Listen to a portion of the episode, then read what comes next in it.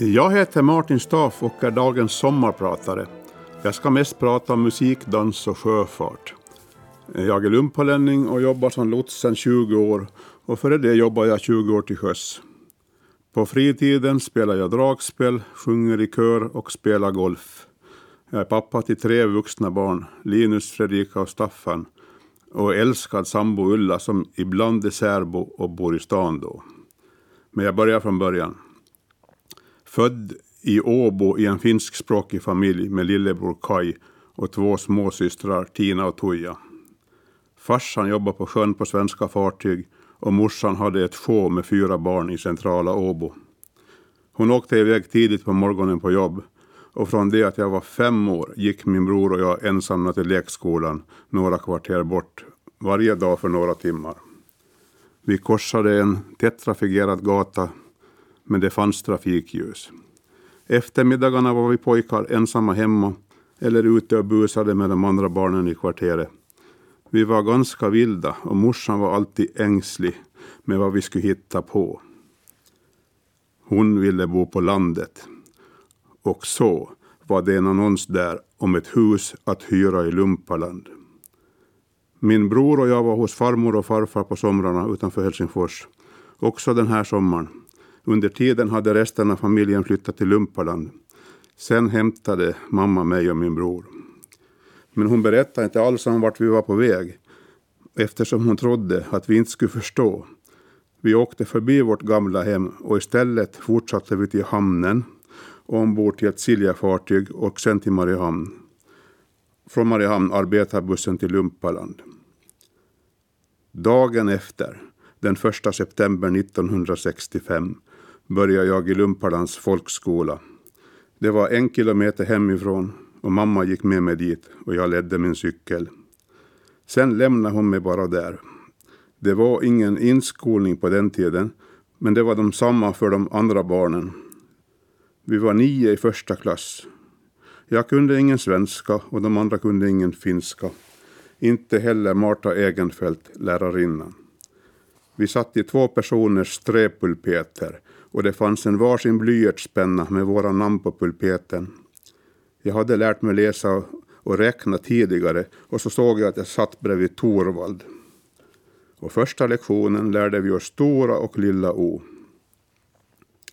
När det ringde ut och alla gick på rast trodde jag att skolan var slut för dagen och jag cyklade hem, ivrig att tala om vad jag hade lärt mig idag. Jag hittade inte hem direkt så det tog ett tag att komma hem. Men när jag kom dit så tyckte inte mamma att skolan kunde vara slut ännu så jag fick cykla tillbaka. Och så kom jag lagom till frukosten som det hette på den tiden. Lärarinnan Marta var ju glad att jag kom tillbaka och jag lärde mig att vi ska ha mjölkflaska och smörgås med varje dag som komplement till maten vi fick.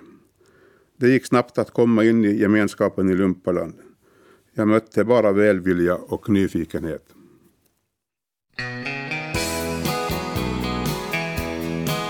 Det var om våren, där sjöng i snåren Jag tog en prästkrage i min hand Vi hörde en prästkrage i min hand med Sven-Ingvars. Det var en av de få orkestrar som jag hörde i min barndom. I skolan sjöng vi alla dagar, skolbyggnaden var ny, men ettan och tvåan hette ändå småskolan från tiden med två separata byggnader. Vi från småskolan ställde upp oss varje morgon i längdordning utanför dörren till storskolan och klockan nio stågade vi in. Lärarinnan satt sig bakom orgeln. Vi små stod i rad framför den och de större stod vid sina pulpeter. Först morgonbön, eller en betraktelse, som lärare Holger Olin läste upp. Sedan psalmsång. Vi barn fick turvis välja salmen, så en gång i månaden var det min tur. Det stör mig lite att jag inte kommer ihåg min favoritsalm, fast jag valde den många gånger.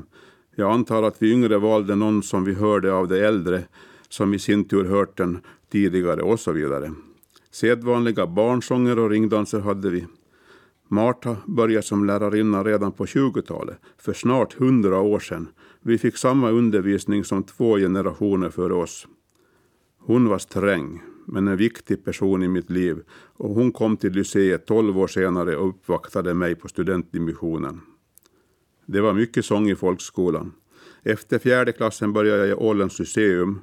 Där var det trögare med sången. Så många elever som inte ville, så, så det blev en sorts grupptryck av det. Men musikteorin med noter hade jag nytta av. Hemma hade vi orgel som jag spelade på tills jag fick ett dragspel i början av 70-talet. Bara i Lumpaland var vi tre jämnåriga som började med dragspel och vi gick senare med i Ackordeonklubben med spelledare Edgar Sagulin. Vi var många som deltog. Senare hade Ackordeonklubb en lärare från Finland med individuell undervisning. Tack Tauno Törnqvist i din himmel som ordnade det. Farsan var portier på Sosis de sista åren de hade öppet. Och när Boje Erikssons orkester spelade där ordnade farsan så att jag kunde få lektioner där av Boje på någon håltimme och lära mig lite låtar på gehör. Det var många som spelade dragspel. Jag kände ingen som började med fiol. Idag är det tvärtom.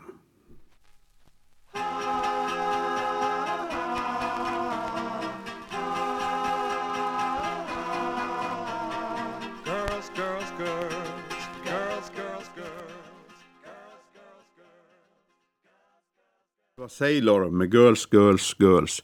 Den låten fanns i jukeboxen på den rökfyllda övervåningen på Café Iva där vi tillbringade många lunch och håltimmar. Vi satt där som vanligt första hösten i gymnasiet en gång och en klasskompis berättade om någon episod han nyligen hört från sin far som var kapten på Gustav Erikssons Eckerö. Det skulle också bytas besättning där. Aha, det satte fart på fantasin. Och dagen efter gick jag in till Gustav Erikssons kontor och frågade efter jobb. Jobb fanns, men minderåriga måste ha föräldrarnas skriftliga tillstånd. Och där gick jag på pumpen. Mamma var inte imponerad. Nej, jag skulle gå ut skolan först innan något yrkesval var aktuellt. Lite besviken. Men mamma bestämmer och mamma hade rätt den här gången också. Fröet var ändå sått. Och så fick jag vara med om orkesterlivet som kom ett par år senare. 1976 när jag gick sista året på gymnasiet bildade Lasse Lundell och Ole Lindberg och jag en orkester som hette Bondefröjd. Senare kom även Bertil Bergens med. Jag spelade med Bondefröjd ett år. Den tiden var det väldig efterfrågan på orkestrar och vi spelade mest varje helg. Ofta fick man tacka nej till spelningar då vi redan var bokade. Efter studentskrivningarna 1977 började jag jobba på trafikavdelningen och var med om att staka ut nya vägar, bland annat nya Godbyvägen och vägen mellan Brände och Torsholma, medan jag väntade på vad jag skulle bli när jag blir stor. Spelande på danser fortsatte och i slutet av 1977 började jag med en ny orkester med Kjell Dahl och Kjell Mattsson som jag döpte till Tonfixarna. Senare kom Hasse Grönvall med och sen, ännu senare Sune Sagulin. Med de två orkestrarna spelar vi så gott som på alla lokaler på Åland. Till exempel på Hälse på Kökar där jag var ofta gick det till så här. Talman Olof Jansson var ordförande i ungdomsföreningen. Han var alltid med och sjöng första dansen. Sen frågade han. Pojkar, när ska ni ha paus? Kom via köket, jag har kaffe varmt. Vid pausen sa han sedan. Ska det vara kaffe eller bara kaffe? Kaffe serverades ur en kopparmugg som gick runt. Den var förstås generöst spetsad med whisky. Olof var med och sjöng också i kvällens sista dans. Det var samma procedur varje gång. Efter spelningen sov vi i orkesterrummet en trappa upp. Jag minns tavlan med porträtt av lärarinnan Eufemia Karlberg ovanför min säng i blickfånget alltid när jag skulle somna. Det var en rolig tid med orkestrarna som pågick ända tills jag for ut till sjöss. Men man var aldrig ledig de stora helgerna som nyår och midsommarhelgen. Två år på raken spelade vi midsommarafton och midsommardag på Vårdö. Midsommarsöndagen de åren var vikt åt Hammarbo och där spelade Sjön suger, här med Aina.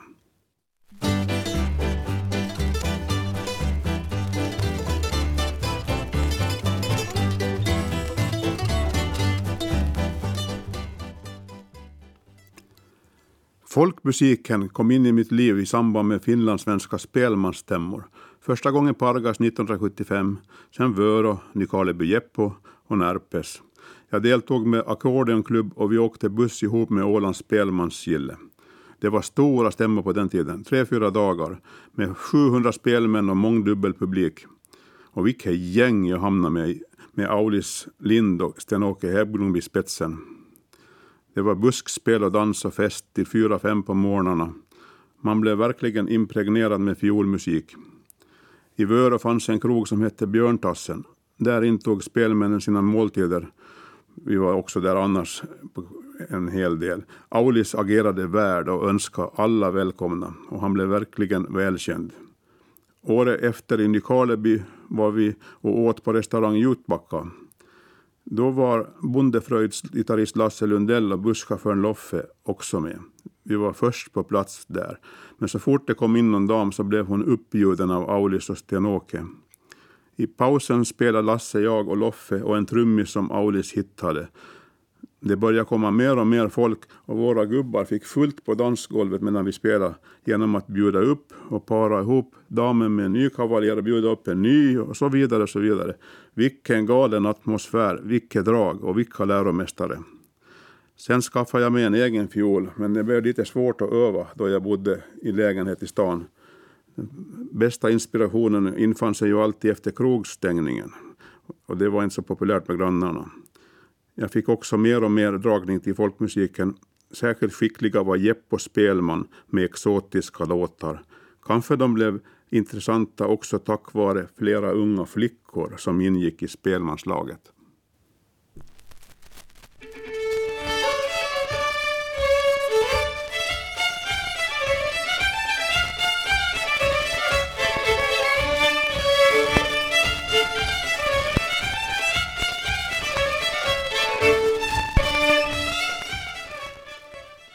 Du lyssnar på Sommarprat med mig, Martin Staff. Ibland var någon i orkestern upptagen med annat och då tog man in ersättare. Jag blev också tillfrågad. En annorlunda spelning från den allra första tiden, som jag ändå minns bäst, var en spelning som jag var med Tage Styrström och Kenneth Gustafsson på krogen Neptun. Det var mycket folk där, mycket sjöfolk, och alla verkar känna Tage och Kenneth. Jag spelade med så gott det gick och många låtarna så hörde jag för första gången där. Vi varvade emellanåt med någon sjömansvals som jag kunde och då var det ju bättre. Dragspelsmusik var populärt bland folk. Publiken önskade sig låtar och allt levererades. Tage hade en bred repertoar. Och i pausen när vi var i köket kom belöningen. För låtar som önskats hade beställaren bjudit på varsin grogg och där stod ett antal groggar på ett bord och väntade på oss. Hovmästaren hette Vera och hon ransonerade drickandet jämt över kvällen. Vi fick också en brakmiddag i en paus. Krögaren hette Werner och bodde i övre våningen. Han kom aldrig ner under kvällen, men när vi spelade klart ropade Vera upp i trapphuset. De vill ha betalt! Vad vill de ha då? 125 mark per man. Eh, ge dem det då.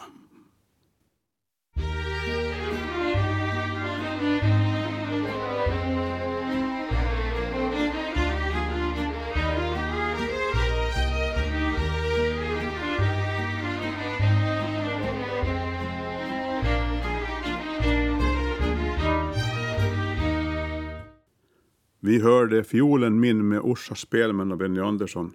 En favorit som alltid varit med i min repertoar. Jag gillar dans. Jag upplever att det var fler som dansade förr. Första danskursen jag var med om var jag 11 och det var på Unkan. Det var foxtrot bland annat och så minns jag La Postella. Det var väl någon modedans alla 1969 som jag inte dansat sedan dess. Senare var det gammeldanskurser i Lumparnan och Lämland. Fast på riktig dans gick man först efter skriftskolan då man sades vara torr bakom öronen. Det var ungdomsdans varje lördag runt om på Åland och dit åkte vi med äldre chaufförer. Så småningom vågade jag bjuda upp någon. Bäst var det med så kallade tryckare. Och det gällde att vara i rätt position inför kvällens sista dans för att bjuda upp någon man spanat på. Första gången som jag var på restaurang Sabina blev jag faktiskt inkastad. Då var jag 18 och hade kört på ungdomsdans och var på väg hem med brorsan och två flickor. Vi stod och väntade på en lite äldre lumpalänning som skulle åka hem med oss. Då var det 20 års åldersgräns där. Men Portjärn kom och sa Stå inte här och häng pojkar, in med er. Vi var inte nödbedda. Brorsan var 16 och flickorna 15 och 16. Vad kul det var. Sabina införde sedan 18 års åldersgräns och jag var ofta där på vardagarna. På helgerna spelade vi oftast någonstans. Det var dans varje kväll i veckan. Dansband från Sverige som var där en vecka i gången från måndag till lördag. På söndagarna var det nygammaldans, ibland min orkester. Inget inträde och mycket folk varje dag, åtminstone till elva på kvällen, för man skulle ju också jobba dagen efter. Navigationsskolan hade stående bokning av bord närmast dansgolvet och där trivdes jag och blev bekant med mycket sjöfolk och deras historier. Det började bli uppenbart att jag inte skulle bli vägbyggare. Först var jag ut någon månad och fiskade lax i Östersjön, sen långfart.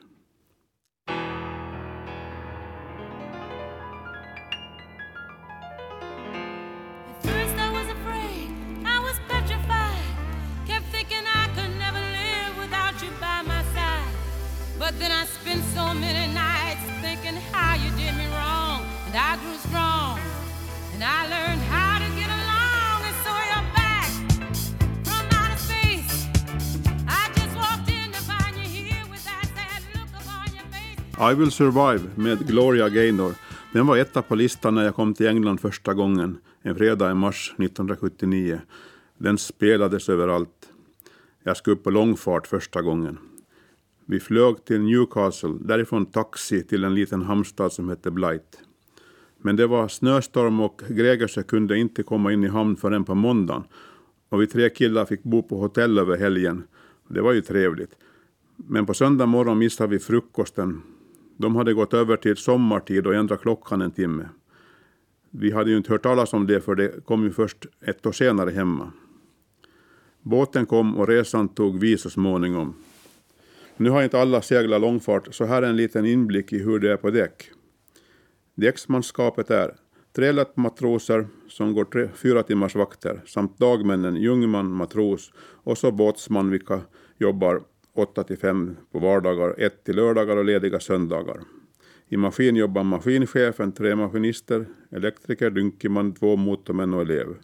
I byssan Stuart, kock, mässkalle och hans motsvarighet i befälsmässen kallad salongsville. Och så var det telegrafisten, totalt 24 stycken. Överstyrman är arbetsledare för däcksarbeten och ansvarar lossning och lastning. Han går, åtta, han går fyra åtta vakten morgon och kväll. Och eh, båtsman kommer upp till bryggan strax innan klockan åtta och får dagens arbeten. Dem fördelar han sedan åt dagmännen och lättmatrosen som är på vakt. På kvällar och nätter är däcksvakten på bryggvingen på utkik. En gång i timmen är det rök och kaffepaus. Lite bakvänt då utkiken inte får röka ute utan går in och röker i mässen. På den tiden så röktes det ju överallt. I slutet av vakten väcker man nästa vakt och kokar en stor panna kaffe i byssan, för också i maskinen är det vaktavlösning. Vaktavlösning för styrman och lättmatros sker på bryggan. Styrmännen går alltid sin vakt på bryggan till sjöss, ser till att fartyget håller den avsedda rutten, tar positioner, ser till att det inte blir kollision med andra fartyg. Tredje styrman har 8-12-vakten. Det är lämpligt för befälhavaren då att stötta en ibland oerfaren ny styrman. Trean har att hålla sjökorten och nautiska publikationer rättade med rättelser som kommer på posten varje månad. Det är ett drygt jobb när fartyget har sjökort från hela världen. Andra styrman har hand om sjukhus och mediciner och har 12 vakten. Det är frukost halv åtta, kaffe halv tio, lunch 11.30, kaffe igen halv fyra och middag halv sex. Till natten uppskärningar i kylskåpet ungefär en skiva ost och en skiva korv per man. Och nu hör vi Dedannan med My Irish Molly O.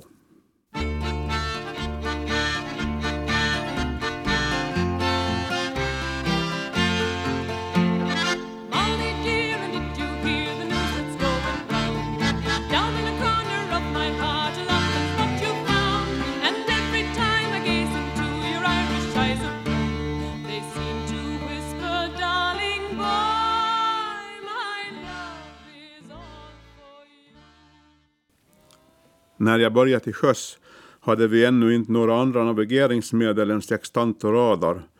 När fartyg har land i sikte i radarn tar man ut positionen medelst bäring och distans till något kännspakt, till exempel en udde, och ritar ut det på sjökortet med transportörer och passare. Det gör man en gång i timmen. Man för bestick som det heter. Det måste man göra så att resan kan rekonstrueras. Vid vaktens slut för man in positionen i skeppsdagboken med väderobservationer. Transportörerna det är trekantiga linjaler med gravskiva med vilka man kan rita och förflytta linjer på sjökortet utan att ändra graden. När man kommer ut på Atlanten och sjökortet så att säga tar slut använder man tomma sjökort med latituder och fyller i longituden själv beroende på var man färdas. Man använder så kallad dödräkning, räkna fram positionen med kurs och beräknad eller med låg uppmätt fart. Så småningom börjar det bli allt större skillnad mellan aktuell position och den egna framräknade. Men när det går tar man en position med sextanten. Då behöver man se 1. Horisonten. Det gör man tillräckligt noggrant bara på dagen och vid skymning och gryning. 2. Solen, månen eller en stjärna eller planet. 3. Man måste ha en noggrann tid. Alla fartygen har en kronometer som man sköter om och ser och hur noggrann den är och en nautikal almanack för året. Med sextanten mäter man solhöjden, eller till stjärnan. Det är vinkeln från horisontens och undre kant på solen. Solen ser olika stor ut dygnet på dygnet och vinkeln rättas med många rättelser ur nautikalalmanackan och man får fram en ortlinje på vilken man är. Uh, vad är en ortlinje då? Om vi tänker oss att vi är i Mariehamn och, och tänker att solen är i syd och gör mätningen så får vi fram en ortlinje som är vinkelrätt mot solen, till exempel Styrmansgatan. Men vi vet inte var på Styrmansgatan vi är. Tillbaks till Atlanten. Den ortlinjen som vi fick ritar vi ut. Sen gör vi om processen om någon timme när solen vandrar till en annan bäring och får en ny ortlinje vi ritar ut där. Anta att vi styrt rakt västerut 20 sjömil sedan föregående mätning. Då transporterar vi den linjen västerut, alltså 270 grader, 20 mil med transportörer och passare. Nu har vi två ortlinjer som skär varandra och vi antas ligga i skärningspunkten som är vår nya position. Vid gryning och skymning, när horisont och stjärnor syns samtidigt, kan man få positionen direkt. Identifiera och ta höjden på flera stjärnor i snabb följd anteckna tiden och höjden och sedan räkna fram ortlinjerna i lugn och ro. Positionen blir i bästa fall inom en sjömil om styrmannen är noggrann, men det räcker för att vi ska hitta Kanada. På tal om himlakroppar, här kommer Paper Moon med Ella Fitzgerald.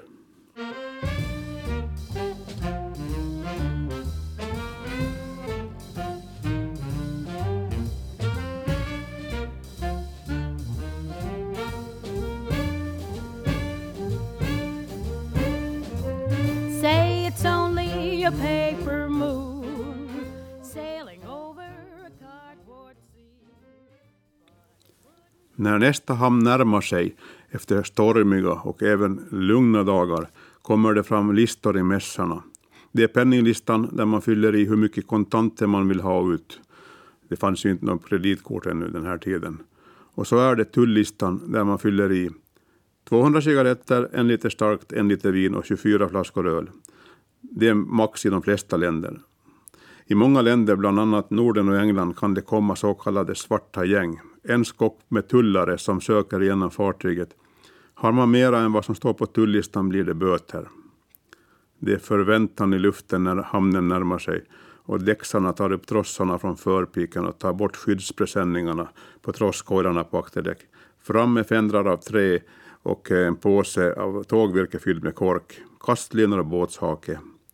Nationsflagg hissas och en gul karantänsflagg. Lotsledare hängs ut. Då kommer lotsen ombord. Från att vi bara sett vatten många dagar ser vi land och byggnader och människor. Så kastar jag i land kastlinan.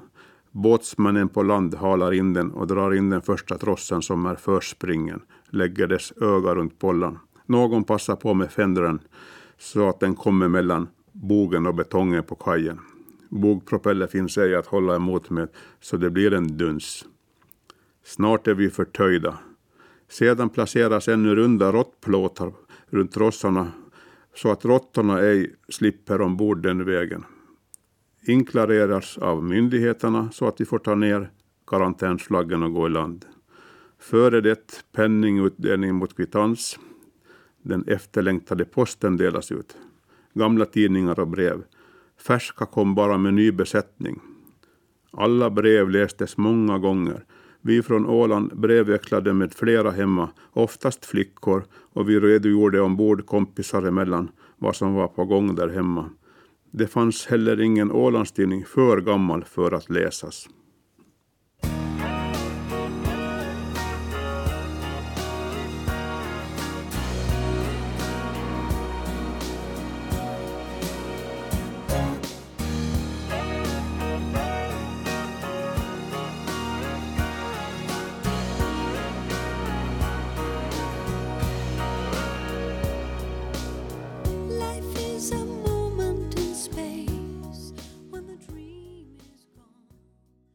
När fartyget närmade sig Europa fick man in Radio Luxemburg på kvällarna.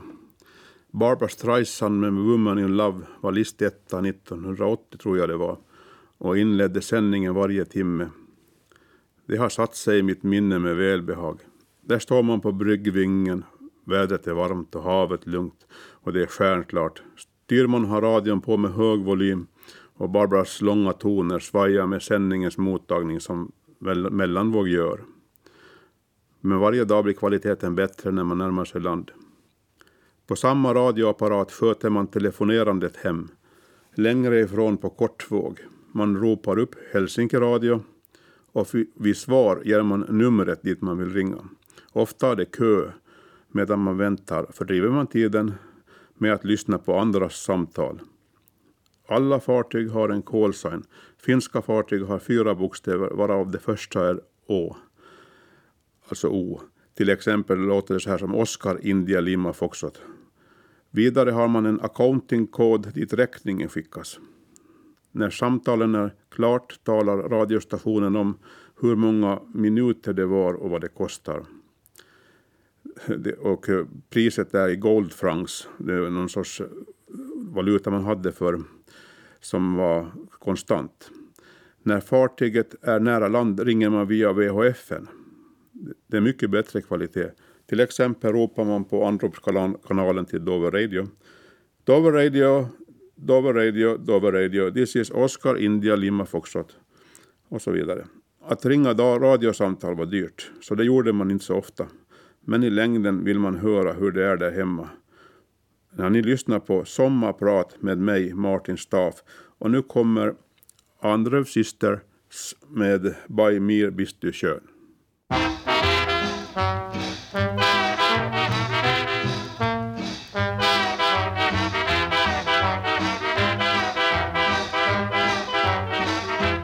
Juli månad 1979 och efter en två veckors sjöresa anländer MS Gregersö till Pireus i Grekland.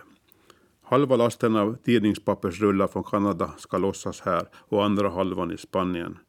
Pappersrullarna lyfts i land från lastrummen med fartygets egna kranar och det tar en vecka. Många kvällar att bekanta sig med Grekland. Pireus är en förstad till Aten och dess hamnstad.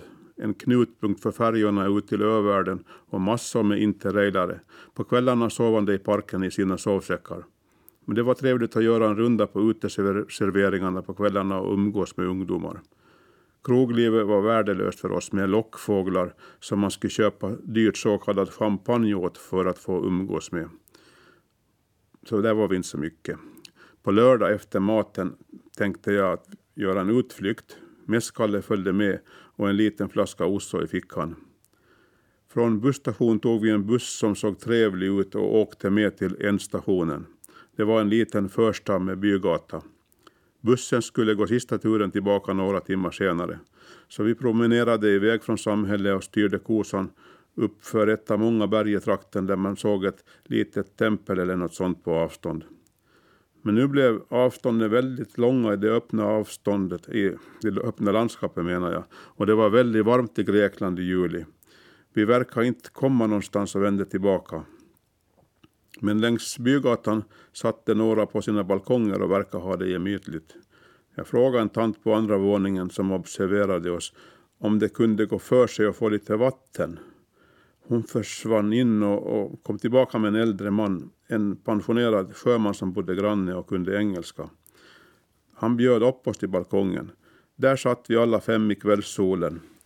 En mor och eh, hennes dotter Alexandra som var 17 år och exotiskt vacker i mina ögon.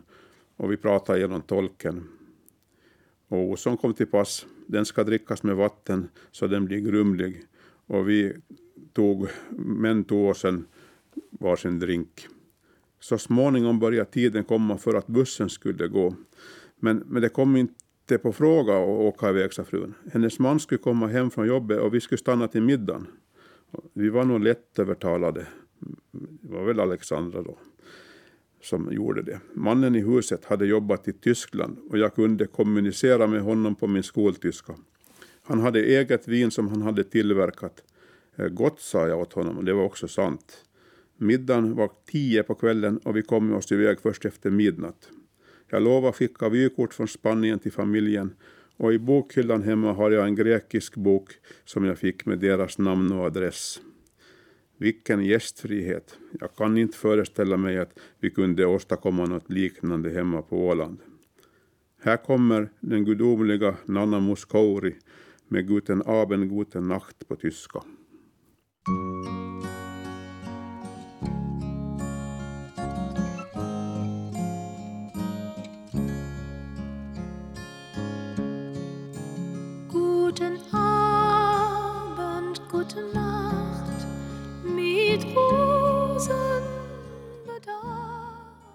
På sjöresorna gick man vakt och då dracks det ingenting. I hamnarna kunde det bli desto mer. Sent på nyårsafton 1979 anlände vi till Belfast med telefonstolpar i lasten. Och efter ankomsten satt vi i salongen hela besättningen på nio personer och blev serverade av vår kapten. Det visade sig senare att han var periodare och hade svårt att få stopp på drickandet. Men just då var det gemytligt bara värre och han var väldigt social och bra på att sjunga. Och, och vi sjöng. Det var oroligt på Nordirland mellan protestanter och katoliker den här tiden. Men det var hysch-hysch genast om man frågade om saken. Alltså ingen politik, bara nöjen.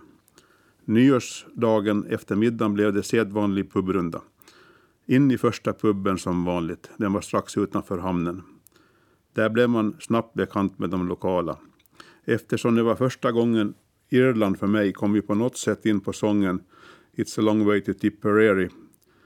Damen bakom bardisken var duktig sångare och flera andra också där i puben och jag lärde mig en vers där och då. Kaptenen blev snabbt bekant med alla och dansade med damerna till musik från jukeboxen. Det hörde inte till vanligheterna med dans på pub, men stämningen var god. Puben stängde klockan tio och innan vi gick vidare hem så fick jag lov att visa att jag kunde den inlärda sången och sjöng då It's a long way to Tipperary, it's a long way to go och så vidare. Vi var i Belfast en vecka och kom alltid till puben tidigt på kvällen. Och värdinnan frågade vid första beställningen Do you sing tonight? Jag sa no, no. Och kaptenen frågade hon Do you dance tonight? Och han sa förstås yes. Men i alla fall så drog jag sången för henne vid stängningen varje kväll.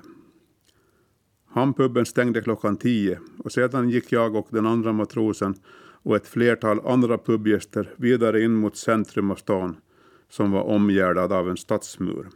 Vid porten var det händerna upp och kroppsvisitering av brittiska militären.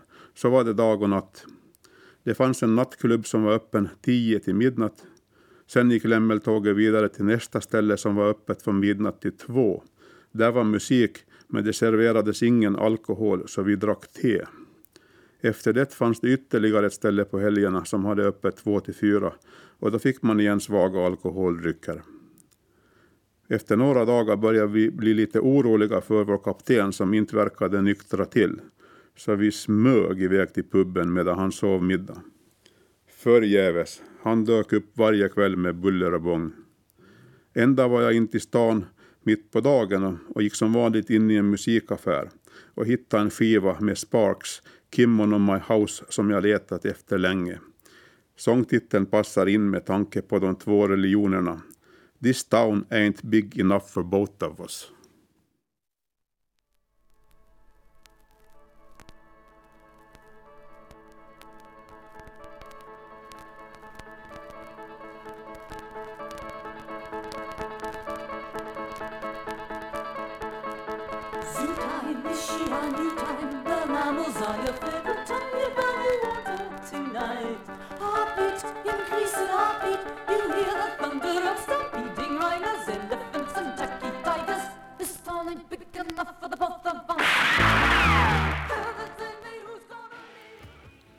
När jag möter någon som man inte träffar så ofta frågar många om jag har dragspelet med mig.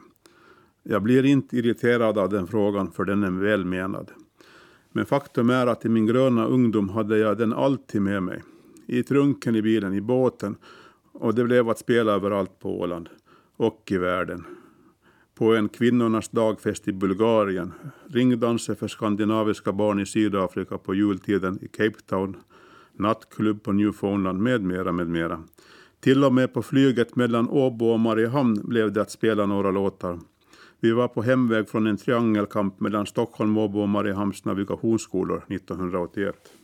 Jomala damlag i volleyboll var med i samma plan och det blev att dansa en fottis där mellan de trånga bänkraderna i ungdomligt lyckorus. Flygvärdinnorna var glada och hade inget att invända. Dystrare var det senare på hösten i Mariehamn, då jag förmodligen blev den första och sista som blev inburad för dragspelande i Mariehamn. Det var elva tiden en lördag förmiddag och vi var några som gick längs Ålandsvägen på väg till bowlinghallen. Jag gick och spelade och polisen kom. De sa ”Sluta spela”. Jag sa ”Nej, man får spela”. Polisen körde iväg men kom snart igen. De hade kört runt kvarteret och konfererat med sitt högkvarter. Spelar du ännu din jävel, sa den elaka polisen. Den andra var snäll. Jag vidhöll vid att jag fick spela, jag hade fått lov av borgmästaren. Nej, vi skulle till station och utreda. Okej, okay, sa jag. Men där blev det ingen diskussion. Jag åkte genast in i buren för åtta timmar och blev utsläppt sju på kvällen. Dragspelet behöll de över helgen för säkerhets skull. Efter det blev det ingen gatumusik på länge, men det kom en ljusning för branschen. Drygt tio år senare inledde vi med orkestern Lediga stunder vår årliga spelning på Kulturnatten vid Café Julius. 2007 till 2009 var vi årligen på gatuspelningsturné, ett förlängt veckoslut i maj, först till Köpenhamn, år efter till Paris och sen Göteborg. Det var Dennis Eriksson, Bolle Högnäs, Kjell Dahl och jag själv. Vi hade hela tiden publik och fick in, in en hel del pengar. Men vi gjorde av med många gånger mer på mat, dryck och boende. Men vi var ju där för vårt höga nöjes skull. Penningströmmen gav i alla fall indikation på vilken musik som gick hem. I Köpenhamn var det dur, i Paris funkade också finska mollåtar och i Göteborg Evert Taube förstås. Nu hör vi Köka brudvals med lediga stunder.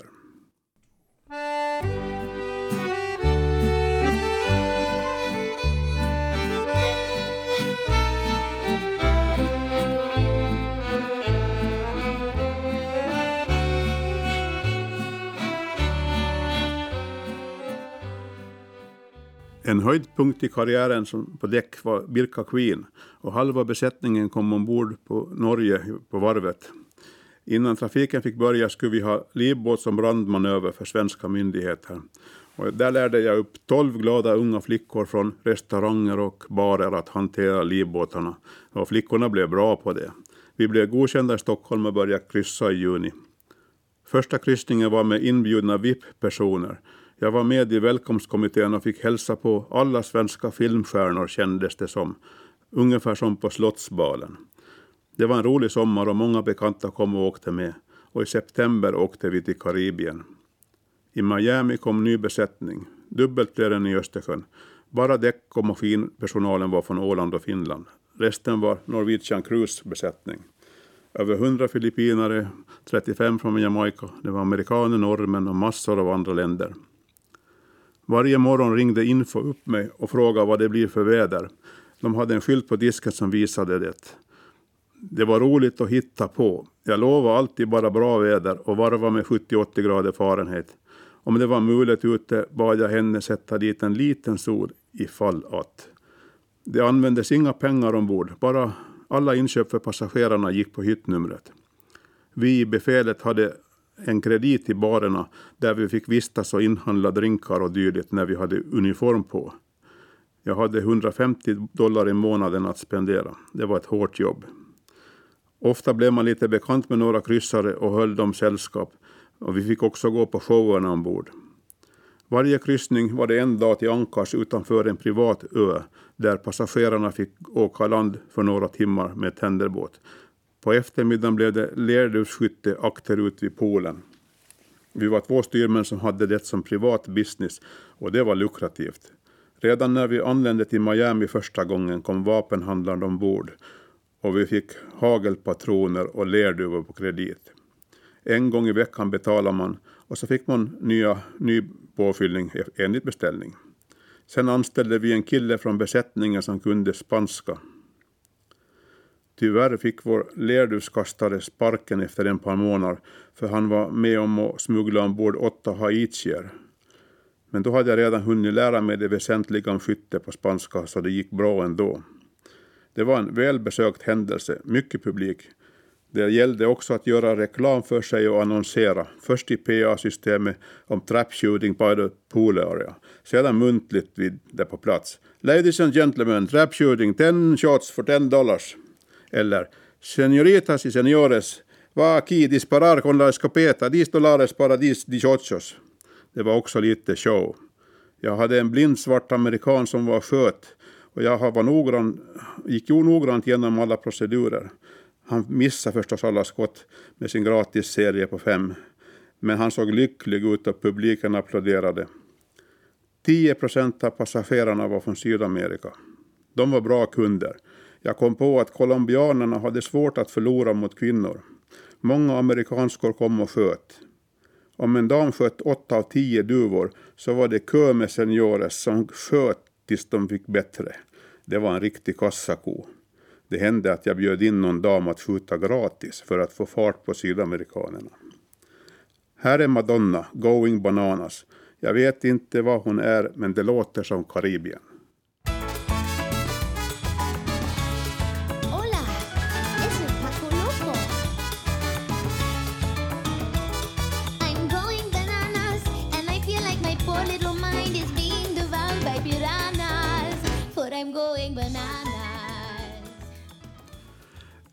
En höjdpunkt med lotsningen var när jag fick eh, råseglaren råseglaren att segla. Jag har nog förstås skrytit om det många gånger så jag tar det igen.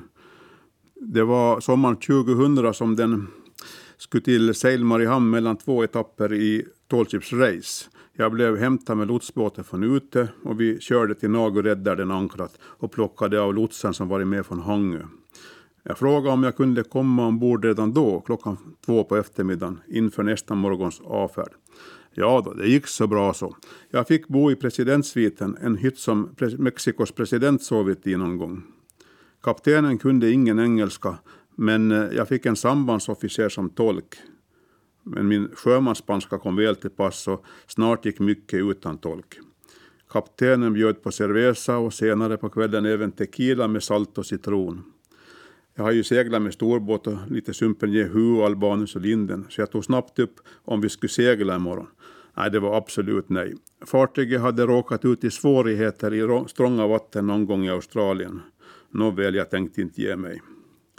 På kvällen kom tre nagubor på middag. Det var kommundirektör och fru hamnkapten och en tredje, jag, jag minns inte titeln på. Men bara den fina interiören i salongen gör att det blir väldigt festligt. Svarta bönor ingick i dieten alla dagar. Eget bröd också. Resten var väl kryddat. Men klockan åtta på morgonen börjar resan mot Mariehamn för motor i nio knop.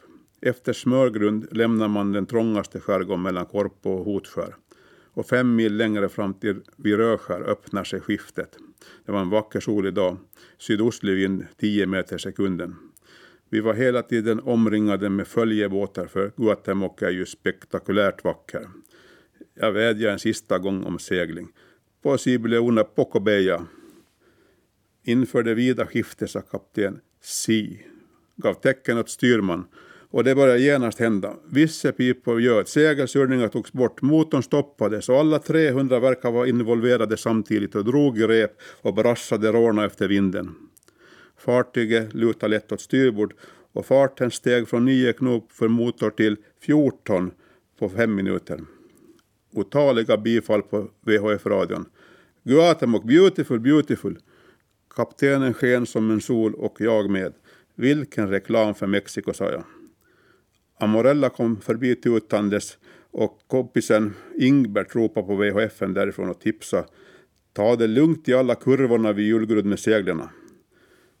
Skiftet är 14 mil långt och före huset tog seglingen, seglen bort ner och när farten sjunkit till 6 knop kunde maskinen kopplas på. Många fartyg är stamkunder också och befälet bekanta och som man börjar gilla. Tyska fartyget Arenshop hade två tyska ägare som också turades om att vara ombord som kaptener. Äldre sympatiska herrar. Resten av besättningen kom från Kiribati, en liten östad i Stilla oceanen. Tyskland hade hjälpt till att starta en sjömansskola där i Kiribati och kaptenen hade också hjälpt till och besökt stället och anställt en besättning där. Han sa att flygfältet där användes också som fotbollsplan för ungdomarna. Besättningen var som en stor familj och de turade om varann ombord ända tills jag kom från till Mäntyluoto lotsstation 2001 tills den såldes till Karibien 2008. Gubbarna var nästan 70 och skulle pensionera sig. Det var en ledsam dag när köpet var klart men allting har en ände.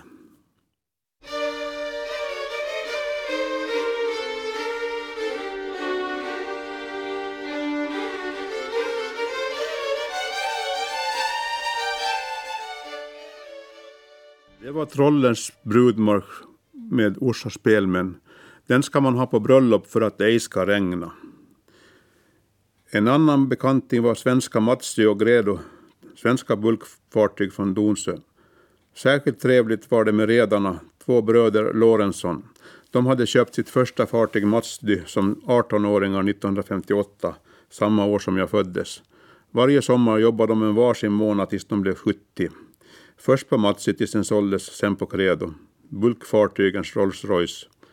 En gång i Tahkolåta måste vi vänta på ett annat fartyg som skulle ut. Kapten sa, ja men då passar vi på att äta lunch. Och upp kom kockan, en äldre dam ursprungligen från Finland, med varsin portion kyckling och curry. Vi hade det gemytligt. Lorentzons var tillsammans med andra Donsöbor redare för tanken Navigo som var med i landgång med Anne Lundberg och kocken German. Det var så att German hade jobbat på svenska fartyg sedan 60-talet och skulle gå i pension. Tidigare var det frivilligt för utlänningarna att vara med i pensionssystemet. Han var inte med. Och det kom som en överraskning att pensionen skulle bli så låg. Det var pensionsföreläggaren som tyckte att German var så intressant och tipsade Anne Lundberg. Det ena ledde till det andra och landgång blev en succé. Under tiden hade vår Kaji i Tahkoluoto blivit ledig men kaptenen tyckte vi skulle äta färdigt i lugn och ro. I fjol hade jag en ovanlig lotsning. Det var Island Sky med vännen Henka Karlsson som kapten.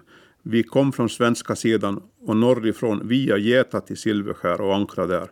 Passagerarna åkte land med Johan Mörn och fartygets egna tänderbåtar för, för lunch och sightseeing. Efteråt fortsatte vi via Engesund upp till Mariehamn. Jag började gå på danskurser igen först några buggkurser, sen en argentinsk tangokurs för drygt tio år sedan. Där mötte jag Ulla. Jag är ingen vidare på argentinsk tango, men Ulla och jag håller ihop ännu. Jag tycker bäst om att dansa med henne och favoriten är swingdansen Lindy Hop.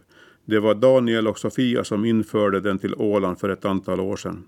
Vi har fått den till en salig blandning av olika danser.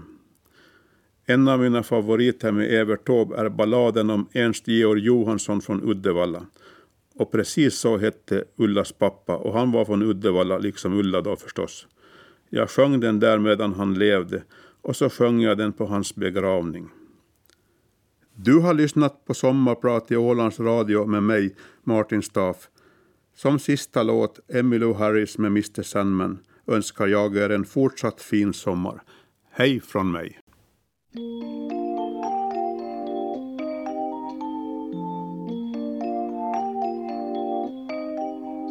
Mr. Sandman, bring me